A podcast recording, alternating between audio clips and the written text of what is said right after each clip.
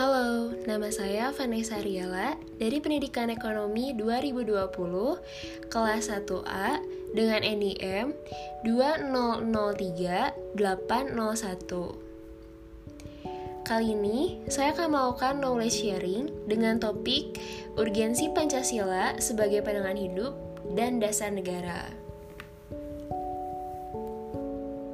Sebelum membahas tentang urgensi Pancasila sebagai pandangan hidup dan dasar negara, saya akan menjelaskan terlebih dahulu apa itu Pancasila sebagai pandangan hidup dan apa itu Pancasila sebagai dasar negara.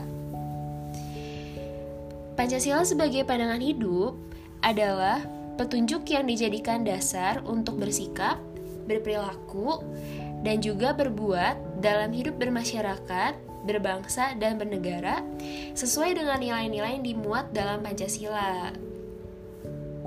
Yang artinya, segala tindakan yang kita lakukan itu harus sesuai dengan Pancasila sebagai sehingga kita dapat meraih cita-cita bangsa.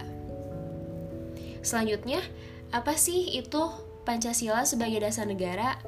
Nah, Pancasila sebagai dasar negara adalah suatu nilai dan norma yang mengatur pemerintahan sebagai penyelenggara negara.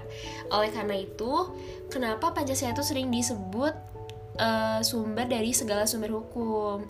Karena Pancasila itu merupakan sumber dari segala norma dan juga hukum yang ada di Indonesia.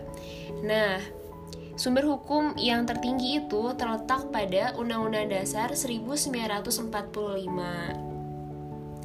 Dengan penjelasan sebelumnya, menurut saya, urgensi dari Pancasila sebagai pandangan hidup itu ada empat poin.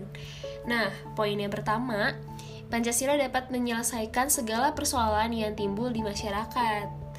Poin yang kedua, Pancasila dapat menyelesaikan permasalahan sosial, budaya, politik, dan lain sebagainya.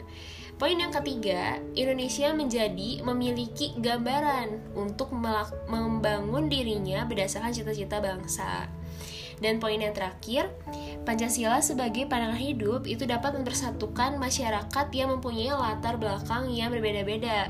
Contohnya, perbedaan etnik, ras, agama, budaya, dan lain sebagainya.